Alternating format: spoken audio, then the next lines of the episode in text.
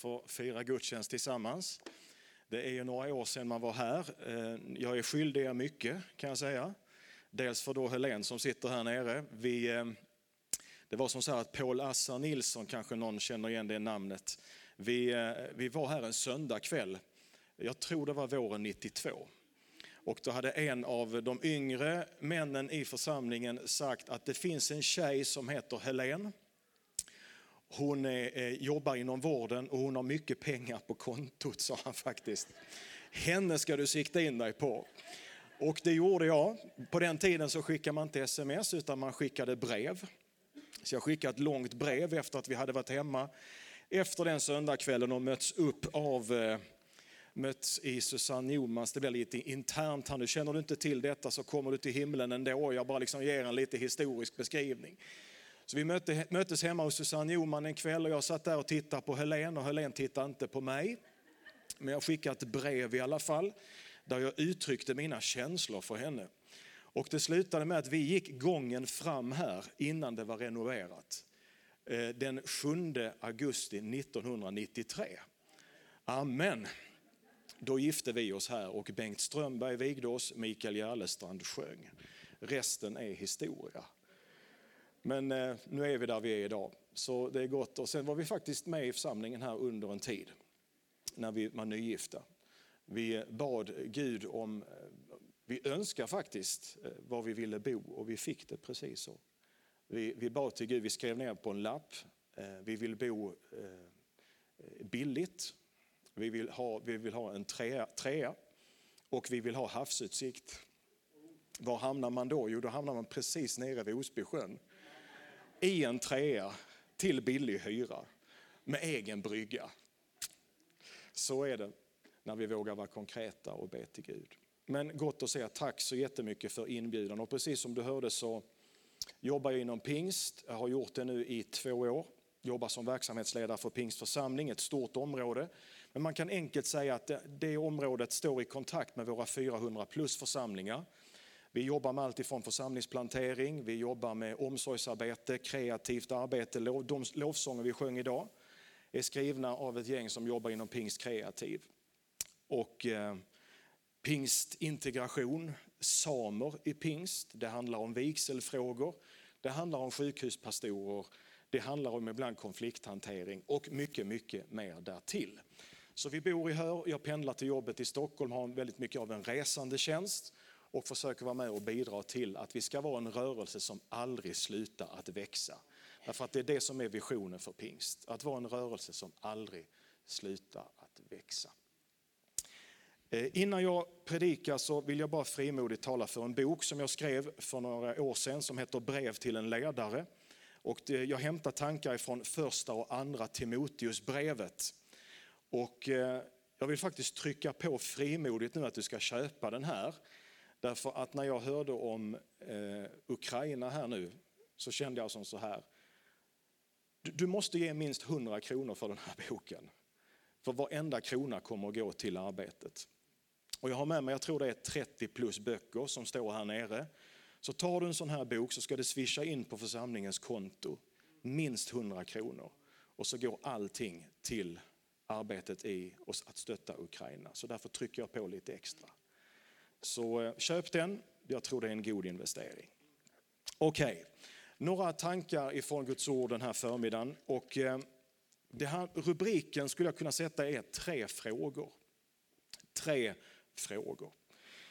Jesus han hade ju olika sätt som han, vad ska man säga, olika metoder som Jesus använde när han predikade, när han undervisade.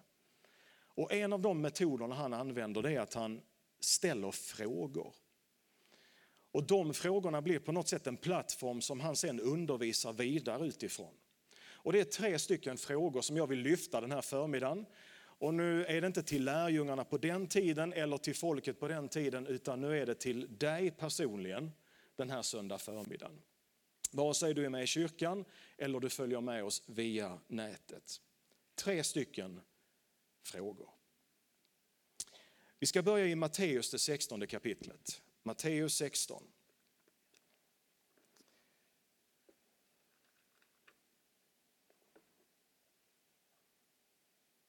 Och här så läser vi från då kapitel 16, vers 13 till 17. Då står det som så här. När Jesus kom till trakten av Caesarea Filippi frågade han, frågade han sina lärjungar. Vem säger människorna att Människosonen är? Lärjungarna svarade, vissa säger att du är Johannes döparen, andra Elia och andra Jeremia eller någon av profeterna. Han sa till dem, och ni, kommer frågan igen. Och här är första frågan för idag. Vem säger ni att jag är? Vem säger ni att jag är? Simon Petrus svarade, ja, men du är Messias, den levande Gudens son. Jesus sa till honom, salig är du Simon, Jonas son. För det är inte kött och blod som har uppenbarat det här för dig, utan min far i himlen. Den första frågan från Jesus till dig den här förmiddagen är, vem säger du att jag är? Och de här tre frågorna idag ställer inte Jesus oss för att sätta dit dig. Han ställer inte dem för att trycka in dig i ett hörn. Han ställer inte dem för att du ska bli lite osäker och liksom känna dig lite skamsen. Utan han ställer de här frågorna för att han vill locka fram någonting i dig och mig. Den första frågan är, vem säger du att jag är? När man bläddrar i Bibeln innan det här kapitlet så har Jesus helat en spetälsk. Lärjungarna har följt med honom, han kallar dem att följa honom. Och de får höra honom predika, de får se under och tecken. De har fått se Jesus hela en spetälsk. De har fått se Simons svärmor bli botad från feber.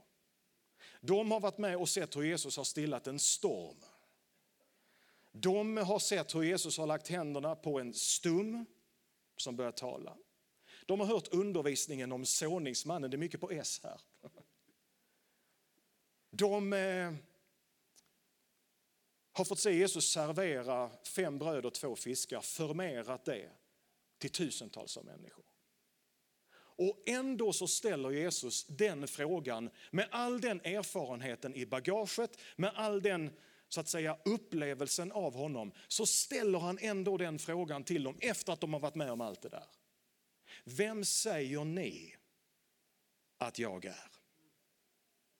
Intressant. Jag tror inte Jesus ställer den frågan därför att han själv är inne i en desillusionerad fas i sitt liv där han tvivlar på sig själv, inte riktigt vet vem han är. Det kan ju drabba oss människor ibland. Vi blir lite förvillade. Vem är jag? Var kommer jag ifrån? Vart är jag på väg? Vem är jag egentligen i djupet? Men Jesus tror jag inte kämpar med de frågorna. Han är sann Gud och sann människa på samma gång. Han har fullkomlighet över sitt liv, men han ställer dock den frågan till dem som har hört honom, sett honom, liksom gått med honom, upplevt honom. Ändå ställer han den frågan. Vem säger ni att jag är? Jag är, skulle man väl nästan kunna säga, uppvuxen i en pingkyrka. Jag är inte född på estraden, men nära till. Jag är uppvuxen i pingkyrkan i Landskrona. Jag är tacksam för att ha liksom växt upp i en familj som hade liksom församlingen som det absolut centrala. När det var söndag gick man till kyrkan, vare sig man ville det eller ej. Oftast ville jag. Och jag är tacksam för de gånger då jag fick gå fast jag inte ville, därför att det var liksom kulturen i vår familj. Och jag vet om att andra människor kan ha en annan upplevelse av den typen av uppfostran. Men jag är oerhört tacksam att jag fick växa upp i en familj där det var att gå till Guds hus, det var självklart. Vi nästan planerade våra semestrar efter vad som stod i predikoturerna. För att mina föräldrar var involverade i allting. Jag har gått på jag vet inte hur många möten. Den gamle väckelse Eh, evangelisten Georg Gustafsson, originalet, han sa han hade predikat på minst hundratals juluttor. Sant eller ej, det vet jag inte, men jag har gått på hundratals möten, det kan jag säga. Jag har lyssnat till många predikningar, jag kan kristianesiskan om du förstår vad jag menar. Jag kan sångerna, jag har varit med länge nu, jag är 52 år nu, försöker klä mig som 35 för att man liksom vill, ja. Jag har varit med, jag har hört, jag har sett. Och ändå Ändå så ställer Jesus den frågan till mig idag. Och till dig. Därför att jag tror att det han är ute efter det är att han längtar efter att den relationen som en människa har med honom inte ska gå på rutin. Utan att det ska vara liksom puls, nerv. Ungefär som scenen där i, när Emil sitter med Alfred. Det är du och jag Alfred. Ja, och Emil. Det är du och jag. Alltså den relationen med Jesus tror jag, det är det, alltså det är det lite Jesus är ute efter när han vänder sig till sina lärjungar och säger, vem säger ni att jag är? Alltså vem är jag för er idag? Inte igår, det är förbi. Imorgon vet vi inget om än. Men vem är jag, Petrus, Jakob, Andreas, Lisa, Kalle, Mohammed? Vem är jag för dig den här söndagen? Du som har gått till Pinkyrkan ett tag, sjungit ur segertoner, varit med i verksamheten och gjort det fint, engagerat dig. Vem är Jesus för dig den här, just den här söndagen? Petrus han säger, du är Messias den levande Gudens son. Alltså, Herre, till vem skulle vi gå när Jesus har talat om att han är det sanna brödet som kommer ner från himlen? Och så citerar han det som troende under tider har blivit anklagade för, liksom kannibalism. Man gjorde sig lustiga på de tidiga troende. De sa det är de, det är de där kannibalerna.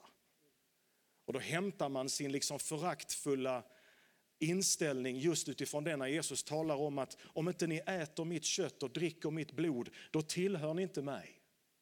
Och så gör man sig lustig på de troende.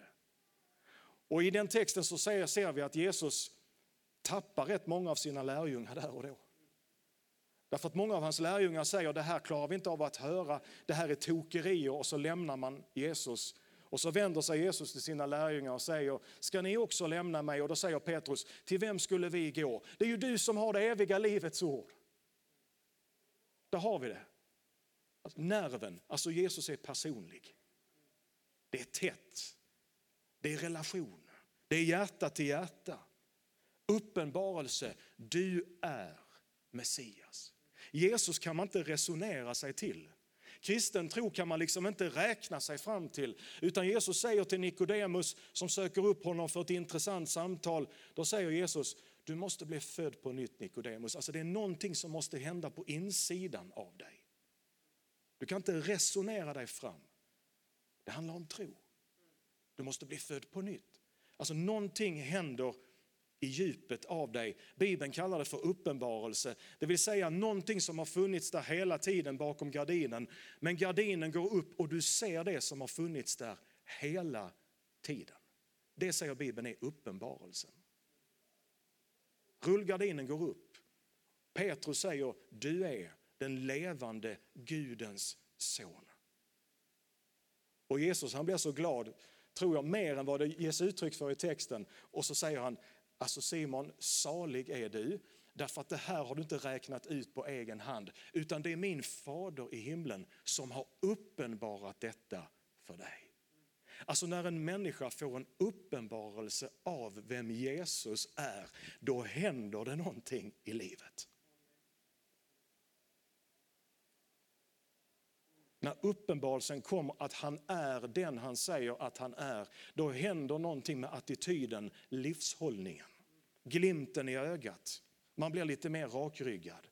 Därför att man har fått en uppenbarelse av vem Jesus är. Vem säger ni att jag är? Du är.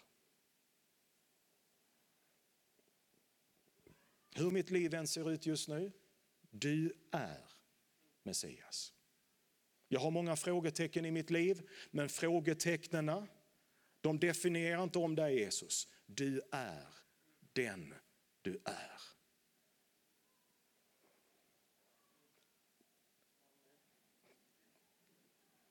Alltså det är proklamation. Det är proklamation. Och jag tror att vi behöver återupptäcka någonting i det där som kristna, som församlingar, just att det ligger en kraft i proklamationen.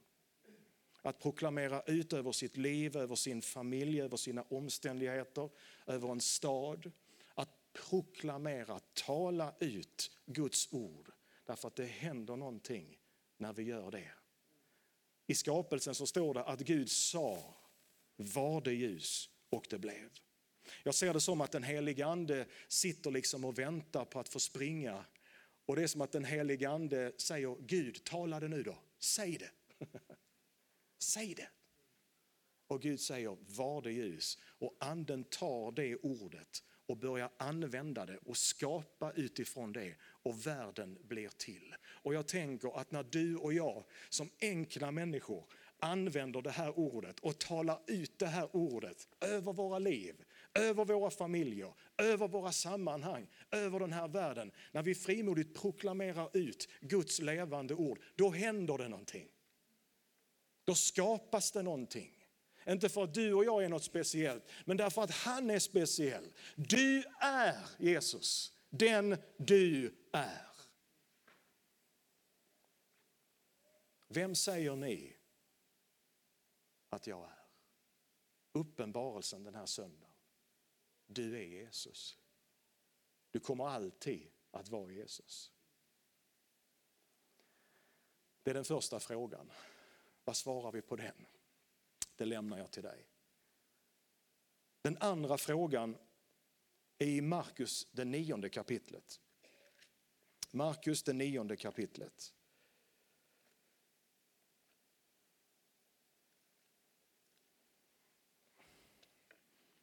Ta av sig glasögonen så man ser, det är omvänt ibland. I Markus det nionde kapitlet så står det så här ifrån vers 33. De kom till Kapernaum och när Jesus nu var hemma frågade han dem, vad var det ni talade om på vägen? Men lärjungarna teg. För på vägen hade de talat med varandra om vem som var den störste. Jesus satte sig ner, kallade på de tolv och sa till dem, om någon vill vara den störste eller förste så ska han vara den siste av alla och allas tjänare. Sedan tog han ett litet barn, ställde det mitt ibland dem, omfamnade det och sa till dem. Den som tar emot ett sådant barn i mitt namn tar emot mig och den som tar emot mig tar inte emot mig utan honom som har sänt mig. Den andra frågan den här söndagen. Om jag skriver om den lite grann. Vad är det som du är aktiv med? Alltså vad upptar din tid, min tid? Var är det vi lägger vårt fokus någonstans? I den här texten, det står inte hur länge lärjungarna har varit på väg, men de har haft en viss tid, de har haft ett visst utrymme att prata om precis allt möjligt. Och av allt de kan prata om, av allt de kan engagera sig i, av allt det som de kan fästa sin uppmärksamhet vid, så väljer de att prata om vem av oss är störst. Det säger någonting om hur vi människor funkar. Hur lätt det är för oss att fastna i det som vi inte ska fastna i.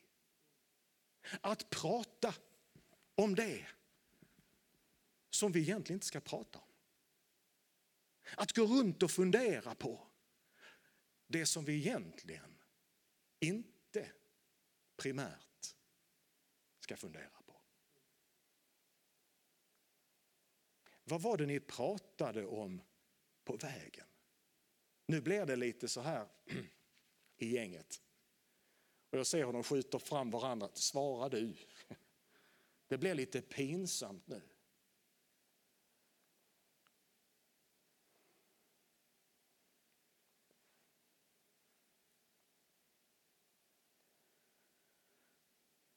Arbeta inte för den födan som är förgänglig, säger den gamla svenska. Men arbeta inte för den födan, säger Jesus, som inte består. Utan arbeta, ge din tid och din kraft och din energi till den mat som ger evigt liv. Johannes 6 och 27. Alltså är det någonting jag ska ge min tid och min kraft och min energi till så är det till det som bygger det som har med evigt värde att göra. Är det det jag ska sluta vara uppmärksam på, liksom grotta ner mig i, så är det sånt som inte utifrån Guds perspektiv egentligen har så mycket värde. Det viktigaste är inte att diskutera vem som är störst, utan det är att vara upptagen av honom som är den största. Det är någonting att den här söndagen ge sin tid och kraft och energi till.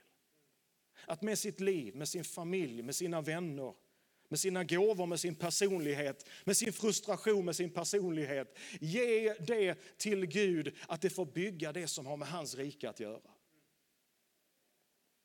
Vad pratar ni om på vägen? Ja, de hade varit uppmärksamma av någonting. De hade gett sin tid och kraft till, ja absolut. De hade varit involverade i dialog och samtal och debatt. De hade debatterat.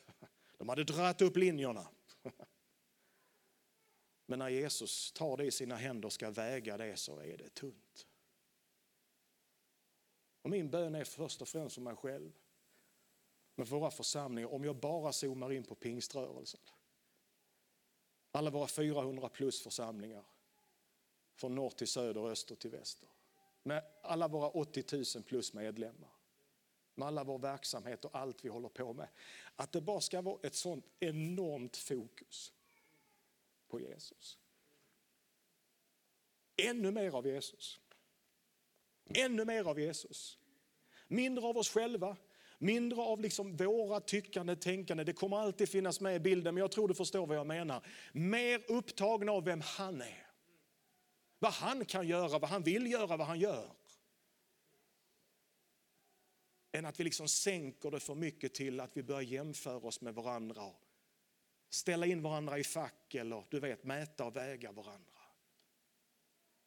Nej, jag tror Jesus han, han vill bara liksom få bort vårt fokus från oss själva och så ställer han in ett barn i mitten istället.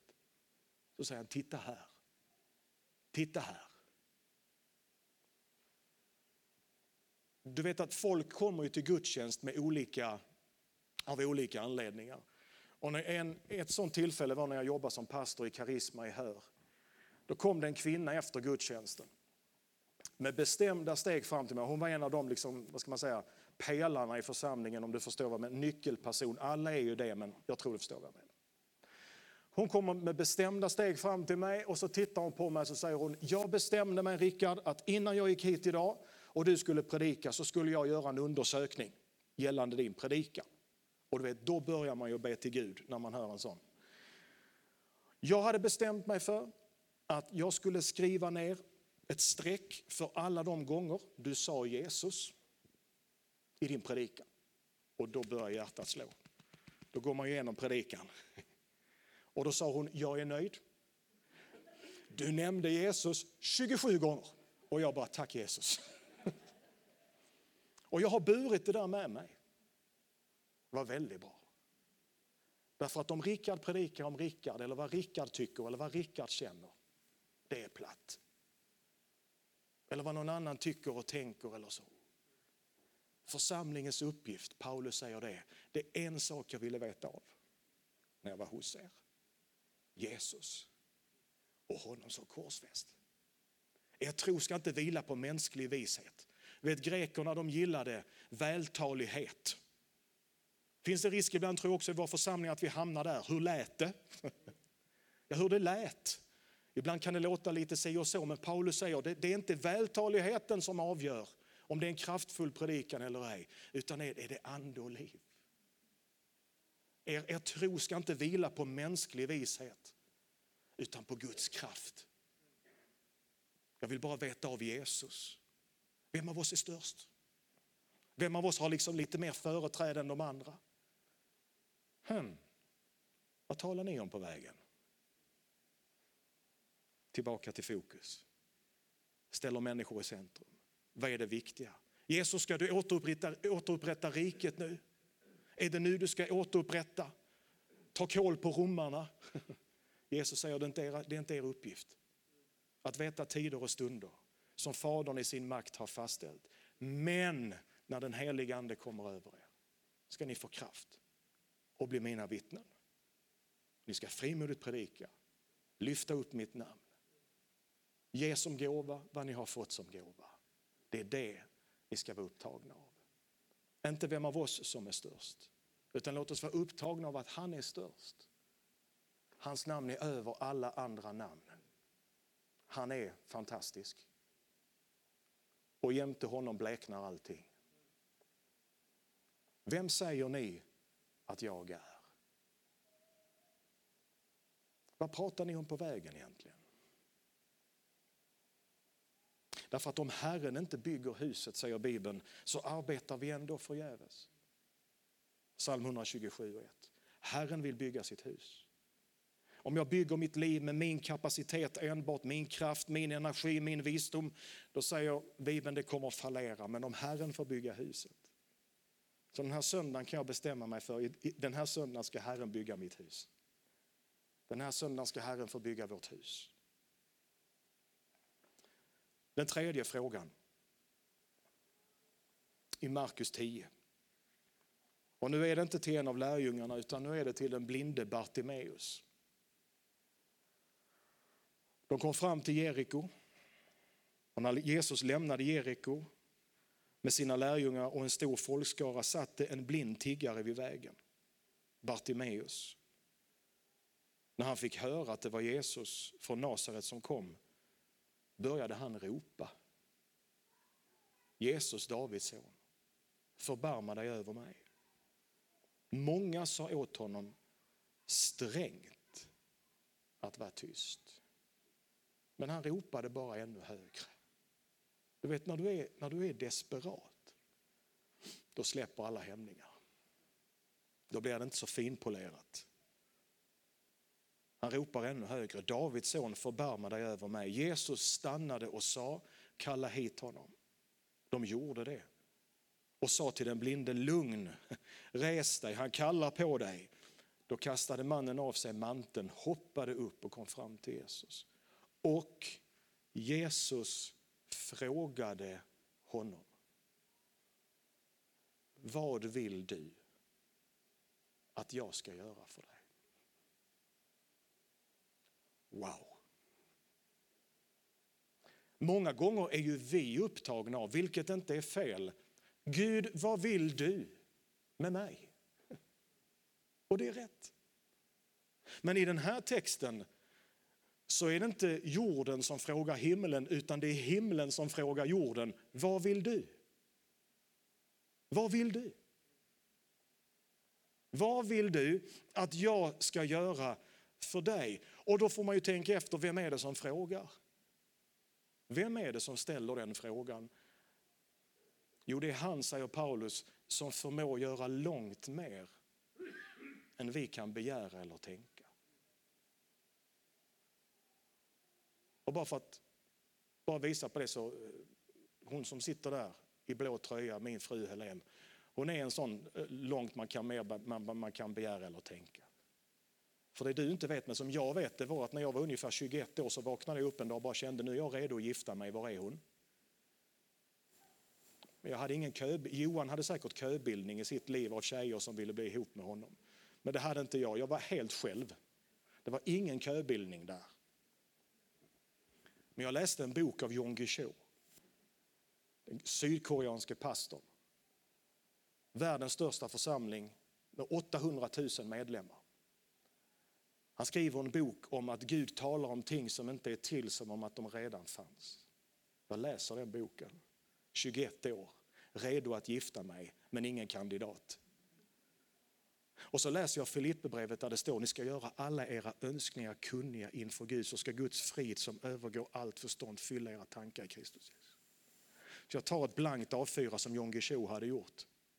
Och så skriver jag ner exakt hur jag ser min fru. Så jag blundar, visualiserar. Långt blont lockigt hår. Det har min fru. Skriver ner det. Jag tänkte inte riktigt så, men det kan låta roligt nu när jag säger det bara för att få lite. Men eftersom hon ändå kommer att styra över mig resten av livet så kan hon vara lite kortare än mig. Så jag skrev en längd. Jag själv hade jobbat i vården. Jag tänkte tjejer som jobbar i vården, det är gott virke i dem. De kan ta hand om en när man blir gammal, komma med dosettlådan och liksom, ja du vet allt det där. Så jag skriver ner hon ska jobba i vården. Och jag var lite, själv lite torrt tråkig så jag, jag, jag skrev att jag visualiserade min fru med jeans och gympaskor och tuff. Så jag skriver ner allt det. Lyfter upp det pappret, jag hittar inte på nu, jag sa inte som en överhettad predikant gjorde en gång, jag talar sanning nu, jag predikar inte. Den landar för vissa sen. Men i alla fall, så jag lyfter upp det och så sa jag till Gud så här, okej okay, Gud, i enlighet med ditt ord, du är en Gud som talar om ting som inte är till, som om att de redan fanns. Så tackar jag dig för att jag har min fru. Jag vet inte vem hon är, jag vet inte var hon bor, jag vet inte vad hon heter, men hon ser ut på det här sättet och hon väntar på att jag ska komma hennes väg. Och jag hennes. Jag tog långa, du vet att tron, alltså tron måste bli praktisk. Det här vet du lika bra som jag. Tron måste bli fysisk. Tron samverkade med hans gärningar står det i Jakobs brev. Så jag tog långa promenader med min fru i tro. Givetvis när ingen annan såg på för att då hade man kanske ja, blivit inburad. Men jag la hand, armen om min fru och så gick jag långa promenader i tro. Och så sa jag, Åh, du vet som man gör när åh puttinutt, snutt, snutt. Och höll om henne så här i tro. Hon var ju inte där fysiskt. Och hon var där andligt sett. Därför att Bibeln säger att Gud talar om ting som inte är till som om att de redan fanns. Det här säger Paulus är dårskap för den jordiska visheten. Men det är vishet för den som vågar lita på Gud. Där är hon. Glöm aldrig när jag ställde frågan, och vad jobbar du med? Och jag jobbar på våning 11 med de allra minsta. Och jag älskar mitt jobb. Amen, tänkte jag. Bockar jag av det också. Det var precis det jag hade bett om. Jag tror på en Gud som talar om ting som inte är till, som om att de redan finns. Och Jesus säger nu till den blinde Bartimeus, och han ställer den frågan till dig den här förmiddagen. Vad vill du att jag ska göra för dig? Han som frågar är obegränsad. Salomo i gamla testamentet får den frågan. Gud kommer till honom och så säger Gud, be mig om vad du vill och jag ska ge det till dig. Där har du den. Alltså det är en fråga utan tak och väggar och golv. Det är rymd i den frågan. Och jag, jag, tror att Herren bara längtar efter att vi ska liksom frigöra våra hjärtan, våra drömmar, vår längtan och vår passion. Att sträcka oss längre och bara, säga, bara ropa till Gud. Ta ut svängarna ordentligt. Och Salomo skulle kunna ha bett om rikedom, han skulle kunna ha bett om framgång, han skulle kunna ha bett om att liksom bli upphöjd. Men han ber Gud, ge mig vishet att leda ditt folk. Och Herren belönar honom med allt det andra också. Och jag gillar vad han säger om sig själv. Och denna insikten vill jag bara skicka med oss här idag. Han säger om sig själv, Salomo, jag är, jag är en människa som vet varken ut eller in. Och ibland är det så för oss. Vi vet varken ut eller in. Men den här söndagen är han Gud. Den här söndagen har han uppstått ifrån de döda. Den här söndagen är han mer levande än någonsin. Och han ställer frågan, vad vill du att jag ska göra för dig? Som ibland varken vet ut eller in. Låt oss be, och jag avslutar med det här bibelordet. Som det står i psalm 86 och 11. Av allt jag kan be om, av allt jag kan nämna i mina böner, så ber jag, ge mig ett odelat hjärta. Ge mig ett odelat hjärta som fruktar ditt namn. Det ber jag om den här dagen på frågan, vad vill du att jag ska göra för dig? Herre, jag tackar dig för ditt ord. Jag tackar dig för att vi får tro att det är levande och det är verksamt och det är mat för vår inre människa. Tackar dig Herre att den här söndagen så kan vi bara få använda den till att reflektera lite grann och ge våra svar till dig Herre. Tackar dig för att du älskar oss, tack för att du eh, inte är ute efter oss. Men att du bara längtar efter att välsigna, du längtar efter att uppenbara för oss vem du är. Tackar dig för var och en som är här och som följer med oss via nätet. Tack för dina planer, tack för din vilja. Jag ber här att ditt rike ska ha framgång. Genom oss och också för den här församlingen. Tackar dig för Osby pingst. Tackar dig Gud för vad den här församlingen får betyda här och långt utöver. Tackar dig för alla böner som är bädda, alla proklamationer som har sagts. Jag tackar dig för att ditt ord vänder inte tillbaka utan att det först har gjort det som det var kallat till. Tackar dig för alla de här ungdomarna som kommer på fredagkvällar, barn. Kom helig ande över dem. Kom helig ande över dem. I Jesu namn. Amen.